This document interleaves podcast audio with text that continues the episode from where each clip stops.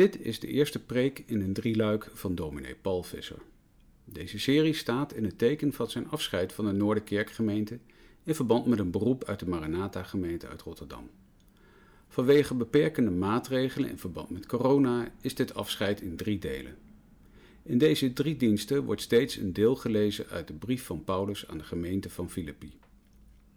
Thema van deze eerste dienst is dankbare herinneringen en blijvend vertrouwen. Deze dienst is opgenomen op 9 augustus 2020 in de Noorderkerk te Amsterdam. Voorganger is dominee Paul Visser.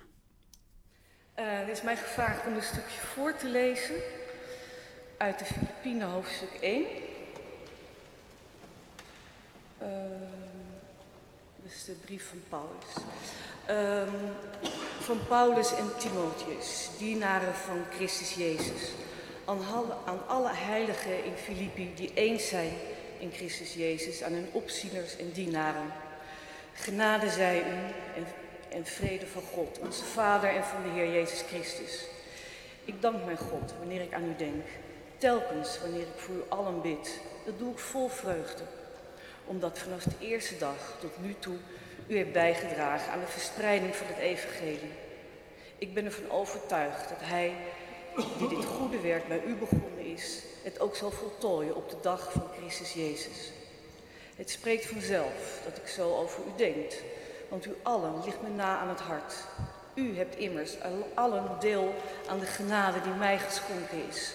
Of, of ik nu gevangen zit of de waarheid van het evangelie verdedig. God kan getuigen dat ik naar u allen verlang met de genegenheid van Christus Jezus. En ik bid dat uw liefde blijft groeien door inzicht en fijnzinnigheid, zodat u kunt onderscheiden waar het op aankomt. Dan zult u op de dag van Christus zuiver en onberispelijk zijn, vol van de vruchten van de gerechtigheid, die u dankt aan Jezus Christus tot lof en eer van God.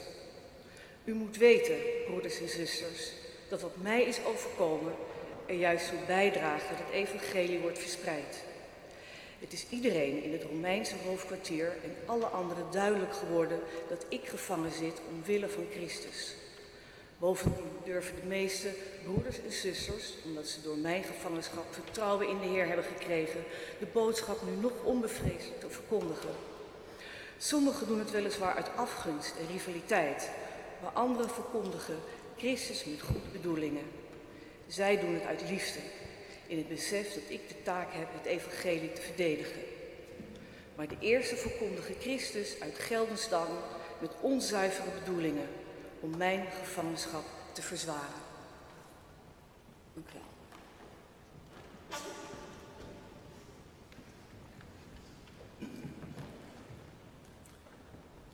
Maar wat doet het er eigenlijk toe? Wat telt is dat Christus verkondigd wordt het nu uit valse of oprechte motieven gebeurt, dat het gebeurt verheugt mij. En mijn vreugde is blijvend, omdat ik weet dat dit alles door uw gebed en de hulp van de geest van Jezus Christus tot mijn redding leidt. Het is mijn stellige hoop en verwachting dat ik mij nergens voor zou hoeven te schamen, maar dat Christus bij alles wat mij overkomt in alle openheid geëerd zal worden. Of ik nu in leven blijf of moet sterven. Voor mij is leven Christus en sterven winst. Als ik blijf leven, kan ik vruchtbaar werk doen. Maar toch weet ik niet wat ik moet kiezen. Ik word naar twee kanten getrokken. Enerzijds verlang ik ernaar te sterven en bij Christus te zijn. Want dat is het allerbeste. Anderzijds is het omwille van u beter dat ik blijf leven. Omdat ik hiervan overtuigd ben weet ik dat ik inderdaad voor u behouden zal blijven, zodat uw geloof groter en vreugdevoller wordt. Wanneer ik bij u terugkeer, heeft u des te meer reden om u op Christus Jezus te laten voorstaan. Leef in overeenstemming met het evangelie van Christus, zodat ik kan horen, of straks zelfs kan zien, dat u een van geest bent en samen voor het geloof in het evangelie strijdt. Laat u op geen enkele manier door tegenstanders angst aanjagen. Want dat is een teken van God. Voor hen dat ze ten onder gaan, voor u dat u wordt gered. Aan u is de genade geschonken, niet alleen in Christus te geloven, maar ook omwille van Hem te lijden. U voert dezelfde strijd die u mij vroeger hebt zien voeren en die ik, zoals u hoort, nog steeds voer.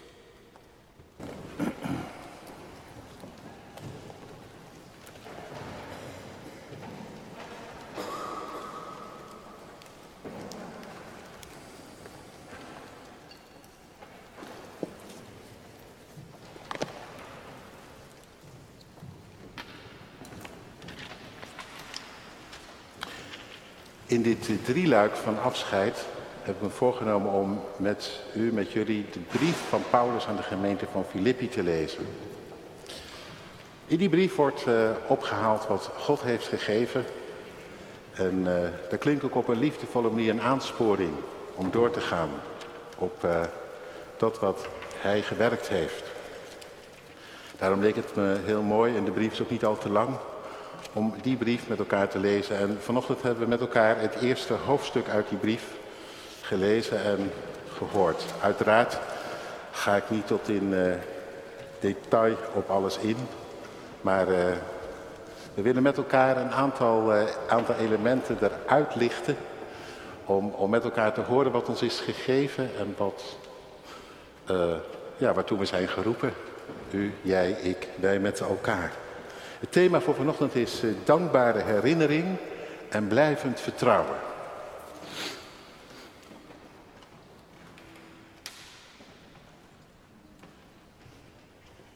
Gemeente van Christus, hier in de Noorder.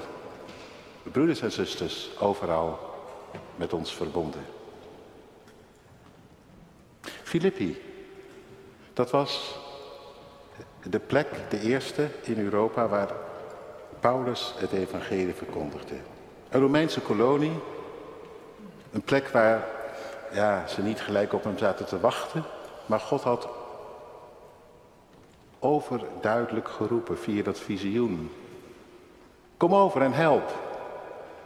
En toen waren ze als eerste in Filippi aangekomen. Was daarvoor een zoektocht geweest en nu was het zo helder als wat. Zo herinner ik mij.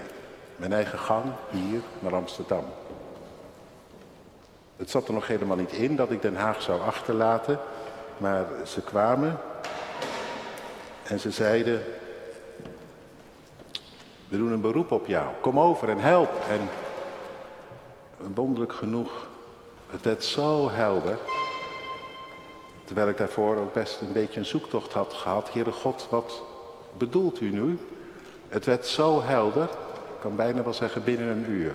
Dat hij zei, ga heen in deze kracht van jou. Ik heb het u vaker gezegd, maar het mag nu nog een keer worden gezegd. Heb ik je niet gezonden? Doe wat in jouw vermogen ligt en ik zal doen wat in mijn vermogen ligt. En toen was er geen ontkomen meer aan. Het was even, wennen. Het was niet iets wat uh, ik uh, op mijn lijstje had staan naar Den Haag, Amsterdam of zo. Maar God riep onontkomen en het was goed. Het is altijd goed als je merkt dat Hij je ziet en roept en inzet. Hoe moeilijk of hoe zwaar misschien ook, daar kun je heel dankbaar voor zijn, toch? U is genade gegeven, zegt Paulus aan het eind. Niet alleen om in Hem te geloven, maar ook om voor Hem te gaan en desnoods voor Hem te lijden. Hij ziet je zitten, zo gezegd. Zo voelt het hoor, als je wordt geroepen, altijd weer. Dat je ineens denkt, God, dat u mij ziet zitten en mij wilt inzetten. En dat betekent helemaal niet dat het één groot feest wordt. Nee, genade gegeven om niet alleen in mij te geloven, je voor mij in te zetten, maar als het moet ook voor mij te lijden. En dan wordt de lat soms net nog ietsje hoger gelegd. Maar een kind kan dat begrijpen. Je zit op voetbal, je doet het goed. En je trainer zegt, jij mag naar de volgende, uh, ja, naar de volgende uh, afdeling of groep. Ik zat volgens te denken, hoe heet dat nou ook alweer? Ik weet het niet helemaal precies. Ik ben niet zo goed op de hoogte met... Uh, maar in ieder geval van D naar C of andersom. Maar in ieder geval, je gaat hoger. Dus dat snap je wel, hè? Omdat je goed bent. En dan ga je natuurlijk je bewijzen. Dan wordt de lat wat hoger gelegd. En het zal wel raar zijn als je jezelf zou degraderen. Dat ze dan na een tijdje zeggen, nou ja, we hebben ons toch vergist. Ga maar weer terug naar je oude groep. Soms legt God de lat een beetje hoger. Dan heeft hij er vertrouwen in. Dat hij dat van jou kan verlangen. Dat het ietsje zwaarder wordt en ietsje moeilijker. Nou, dat is ook wel geweest. Zeg ik u eerlijk. Ietsje zwaarder en ietsje moeilijker dan het Haagse. Daar ging ook niks vanzelf. Dat was hier toch net, nog net even anders. En toch, hij had er vertrouwen in. God, in mij, moet je je voorstellen. Ga in deze kracht van jou. Je hebt genoeg in huis en zet het nu maar in. Ja, daar kun je dus niet uh, voor weglopen. U is genade gegeven. Niet alleen te geloven, maar ook voor hem te gaan. En, des, en desnoods, ja, ook met het lijden. En dan het lijden niet in de zin dat ik uh, natuurlijk, uh, zoals die Paulus in Filippi, in de gevangenis terecht ben gekomen. Dat is nog even een andere koek. Maar wel lijden in de zin dat je weerstand voelt. Nee, niet zozeer vanuit de gemeente, maar gewoon in de wereld waarin je leeft. Geroepen om daar tot een zegen te zijn, maar waar begin je en wat, en, uh, en wat moet je? Uiteindelijk, ik moest een verslag gaan maken over al die jaren. En ik stond echt verbaasd over de zegen die God had gegeven. Ik ben niet zo van Excel, dus ik vergeet een heleboel. Maar ik wil het u toch gewoon zeggen. Niet, niet, niet, niet om, om zelf hierop te scheppen, want ik heb, ik heb me alleen maar ingezet. En, en God heeft de zegen gegeven. Zonder die zegen was er geen één tot geloof gekomen. Dat kan ik u verzekeren. Daar ben ik ook heel hard achter gekomen, want ik kreeg echt niks voor elkaar en ik kreeg echt niemand om. Dus maak u zich niet ongerust. Maar intussen, door die tien jaar heen, ik ging al die namen nog eens langs en toen bleken er 130 verschillende mensen van allerlei verschillende achtergronden, die er van weg waren geraakt of er nooit wat mee hadden gehad, die bleken er weer bijgehaald te zijn. Tussen zijn er ook alweer een heel stel van verhuisd. Sommigen zijn zelfs overleden, anderen zijn helemaal in de Noorderkerk geïntegreerd. Maar ik stond wel even verbaasd. God, u hebt uw woord vervuld. U hebt gedaan wat u hebt gezegd. Zeg maar een 13 of een 12 à 13 in het jaar. Ga ik even een sommetje maken om ook even de andere kant aan u te laten zien. Uh, dat is dus gemiddeld één in de maand. Zo werkt het natuurlijk niet helemaal, dat begrijpt u ook wel. Maar dan begrijpt u dus ook hoeveel contacten en ontmoetingen zijn, er zijn geweest die op niks zijn uitgelopen. Hè? Want ik heb natuurlijk niet één bezoek in de maand gedaan. Ik was heel diep dankbaar voor wat God gegeven had, maar het laat ook wel iets zien van bikkelen, volharden, het lijden. Ja, ook echt lijden aan dat je een paar jaar geïnvesteerd hebt en mensen genauwd. Het was aardig, maar ik, uh, ik ga weer. Ik hou het voor gezien. Je hebt gebeden, soms had je al gedankt. God, u werkt hierdoor. En dan sloegen de deuren toch ineens weer voor mijn beleving een beetje dicht. Dat is lijden. En natuurlijk ook wel eens geleden, zoals u ook ongetwijfeld wel eens geleden hebt aan mij. dat, dat zal zeker, want ik ben ook maar een mens met een eigen karakter en weet ik niet wat allemaal. Met haken en ogen, maar ik heb natuurlijk ook wel eens geleden aan u en aan jou. Dat ik dacht, schiet het nog eens een beetje op. Dan leek het, en waarschijnlijk vergis ik me ook heel vaak, maar dan leek het alsof er totaal niks uithaalde. Al die preken, dat iedereen gewoon weer ging en het voor kennisgeving aannam. Dus ook lijden. Ik, zeg u even met het oog op Johan en op Jan en op andere collega's. Als u zegen ervaart van God, denk nooit, ja die man ziet me aankomen, die heeft wel wat anders te doen dan de zegen te incasseren en te horen wat ik er aan heb gehad. Nee, die man heeft inderdaad veel anders te doen, maar die kan dat andere met veel meer enthousiasme doen als die geregeld hoort dat het helpt, dat het gezaaide, zeg maar, wortels schoot. En dat u, jij, erdoor werd gezegend. Ik kan u verzekeren, dat geeft Machtig veel energie. Als je van zegen hoort. Dan krijg je, hou je de zin erin. En anders wordt het duur een beetje moedeloos. Dus verzwaar het lijden niet van uw voorgangers. Maar benoem de zegen die u via hen van God ontvangt. Hoef echt niet bang te zijn dat ze hoogmoedig van worden. Worden ze door bemoedigd. Snap je? Nou, goed. Uh, al heel verhaal, maar het heeft alles te maken met dat begin van die brief. Ik dank God zo vaak ik aan u denk. Ja.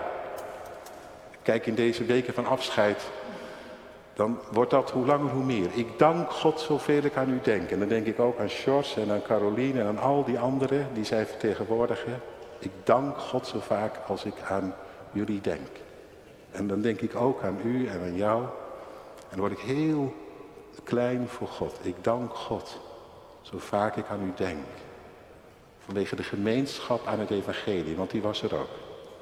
Van de eerste dag af, zegt Paulus. Ja.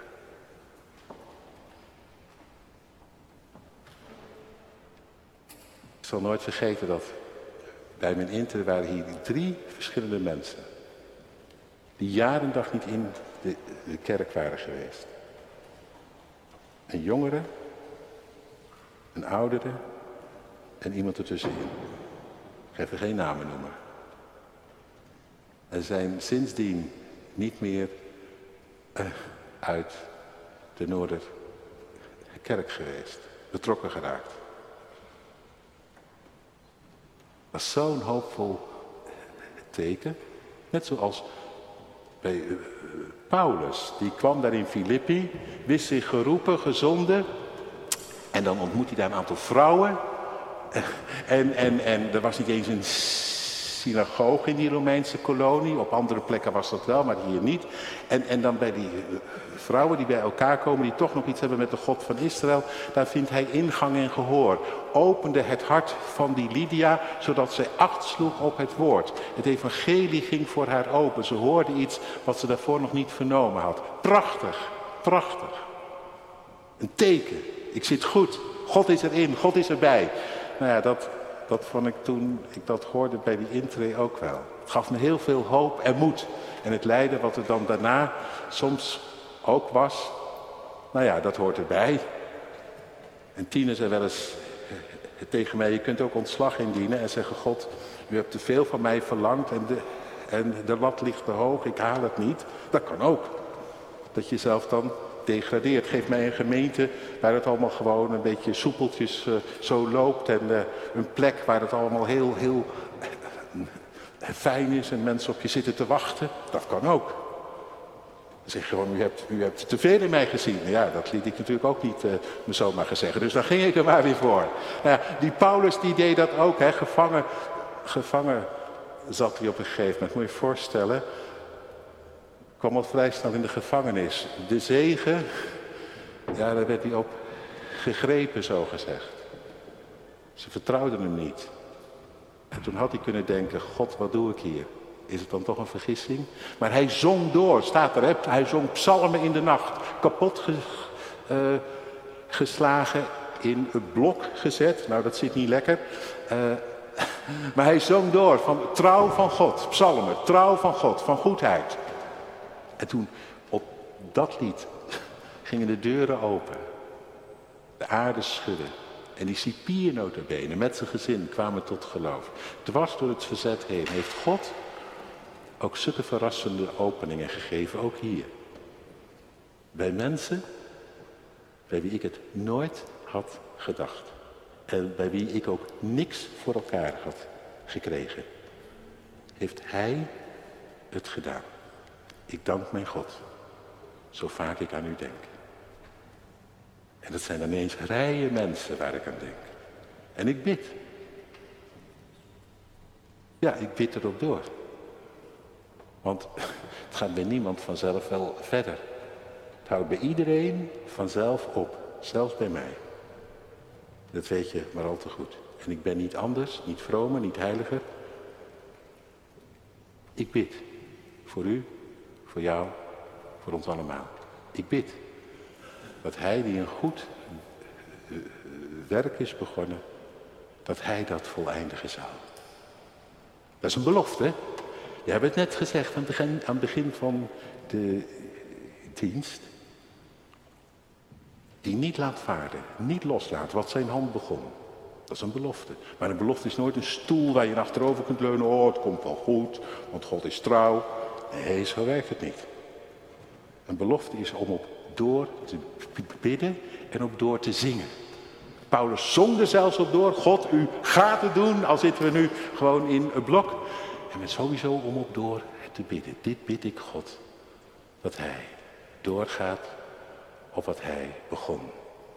Bij jou, bij mij. Dat bid ik ook. Het laatste wat ik voor je kan doen. En dat is wat er mee gaat. Dit bid ik. Dat hij die in jou, in jullie, een goed, goed werk begon, dat hij daardoor zijn geest op doorgaat. Zodat jij, Caroline, vond het mooi wat je zei. Dat je zei van, ja wat blijft er dan anders over dan verbinding zoeken? Verbinding met elkaar, verbinding met die God die midden in de misère van het bestaan een bron van liefde is. Zo zei Jezus het ook trouwens. Blijf in mij. Ik had het zelf misschien niet eens helemaal door, maar het was evangelie in één zin. Verbinding zoeken. Blijf in mij, we hoorden het. Als een rank in de wijnstok. Leef uit mijn liefde om te beginnen, zodat die liefde van mij dan vrucht kan dragen in jou. Paulus schrijft hier ook. Ik bid dat hij die een goed werk begon, daarop doorgaat, zodat jij vervuld wordt met vruchten van gerechtigheid. Paulus heeft het zelfs over volmaakt en onberispelijk. Ja, zeg je, ah, dat is echt iets voor uh, een dominee. Nee, natuurlijk is dat niet iets voor een dominee. Dat is iets van Jezus. U bent al rein, zeg ik dan nu tegen u. U bent al rein, helemaal af en klaar om het woord, zegt Jezus, dat ik tot jullie gesproken heb. Ik heb het hele bestaan van jullie en ik zeg het nu nog maar een keer, want als het evangelie in, in één zin. Meegenomen de dood in en je bent met mij opgewekt en je ziet eruit als een rank vol rijpe vrucht. In mij. U bent volmaakt in hem. En daarom, het zou wel gek zijn als je er niet voor ging. Vandaag voor dat wat je morgen zult zijn. Je mag dooroefenen. Nee, je bent het nog niet, zegt Paulus even later in die brief. Het is als een renbaan. Je bent niet zomaar bij de eindstreep. Maar je mag er wel voor blijven gaan. Het is toch te gek om te zeggen. Jezus zegt, ik zie jou als een rank vol met uh, die rijpe vrucht. En dat jij zegt, nou als het een beetje zit te rotten. Dat is mij ook uh, prima. Of als het allemaal een beetje zuur is. Wat maakt het uit? Dat kan natuurlijk niet, dat begrijp je ook wel. Dus dit is helemaal niet iets van een dominee. Dit is iets van, van Jezus, van wat hij op zijn hart heeft. En Paulus zegt het ook. Ik heb u lief met de genegenheid van Christus. En dat kan ik u eerlijk zeggen. Mankeert een hoofd aan mij? Weet ik ook wel. Maar ik heb u lief gehad met de genegenheid van Christus. Ook als ik soms uit de bocht vloog lief gehad met de genegenheid van Christus. Wat hij op zijn hart had. En dat markeert natuurlijk tegelijk bij mij ook van alles aan. Dat weet ik heus wel. Maar daarvoor ben ik gegaan. Dat wat hij op zijn hart had, dat dat er bij u erin zou komen en bij jou en bij iedereen. Nu ga ik al naar een eind, want het is heet en warm, anders wordt het allemaal te lang. Maar Paulus zei, wat mij betreft gaat er alles voor opzij, zelfs mijn eigen belang. Want hij zat gevangen en dat was niet leuk. Ik zei het u net al, het was niet gezellig hoor in die gevangenissen van toen. Dat was even iets heel anders dan nu. Hij zegt, wat mij betreft ga ik nu heen. Alle ellende te boven, alle tranen voorbij. Niet langer de loser die de mond wordt gesnoerd. Maar met hem, overwinnaar, zodat Christus door mij en in mij helemaal tot zijn doel komt, eer ontvangt. Ja, dat is toch het mooiste wat je hebben kunt, of niet? Of vindt u van niet? Wat vind je eigenlijk? Waar ga je voor? Tuurlijk, we gaan voor van alles en nog wat. En ik hoop ook nog een paar jaar in Rotterdam tot zegen te zijn. Paulus zei, wat mij betreft is dit het mooiste, het beste wat je hebben kunt. Maar voor u en voor de zaak van Christus kan het zijn dat ik nog een poosje hier blijf. Ja, dat is mooi hè. En dat wens ik jullie allemaal toe. Dat je zo met Christus verbonden bent, die jouw leven mee de dood innam, die, met wie je bent opgestaan, dat je zegt, waar ik ook mee bezig ben, wat me ook bezighoudt. U in mij, ik in u, zodat mijn leven vruchtbaar is. Voor mijn kinderen, voor mijn kleinkinderen, juist ook nu. Paulus zegt aan het eind van hoofdstuk 1, het is soms zwaar. Voor u wordt de lat soms ook hoger gelegd. Om kinderen vandaag op te voeden, bij Christus te brengen, aan God te verbinden, is echt een klus hoor. Misschien wel een zwaardere klus dan ooit. Hoewel het vroeger ook niet vanzelf ging natuurlijk. En dat weet je zelf het beste. Maar toch, een klus. Maar God heeft er vertrouwen in dat jij de klus oppakt. Dat je het niet laat lopen. Dat jij ervoor gaat. En samen dan gaat voor dat wat er echt toe doet. Dat je leeft uit die liefde. En dat die liefde gaat leven. Bij kinderen en kleinkinderen. Mag die de lat zo hoog leggen? Of degradeer jij jezelf? Zeg het maar. Misschien voel je je mislukt. Dat kan. Dat je denkt, God, is niet gelukt. Dan heb ik één genadige remedie. Hij kan je hebben zoals je bent. Je bent rein. Je snapt er niks van. Door het woord dat ik tot jou gesproken heb. Niet jouw tekort heeft het laatste woord. Maar zijn genade. En bid dan door. Ik eindig. Leef in overeenstemming met het evangelie van Christus. En dat betekent vooral dat hoe verloren het ook is, voor God nooit te verloren is. Hij kan ons hebben. Hij kan alle van wie je houdt zoeken en vinden. Hij heeft hart voor ons, meer dan wie ook maar. Zodat ik kan horen of straks zelf kan zien, als ik nog eens een keertje zo langskom om te preken, dat u één van geest bent, samen voor het geloof in het evangelie strijdt. Amen.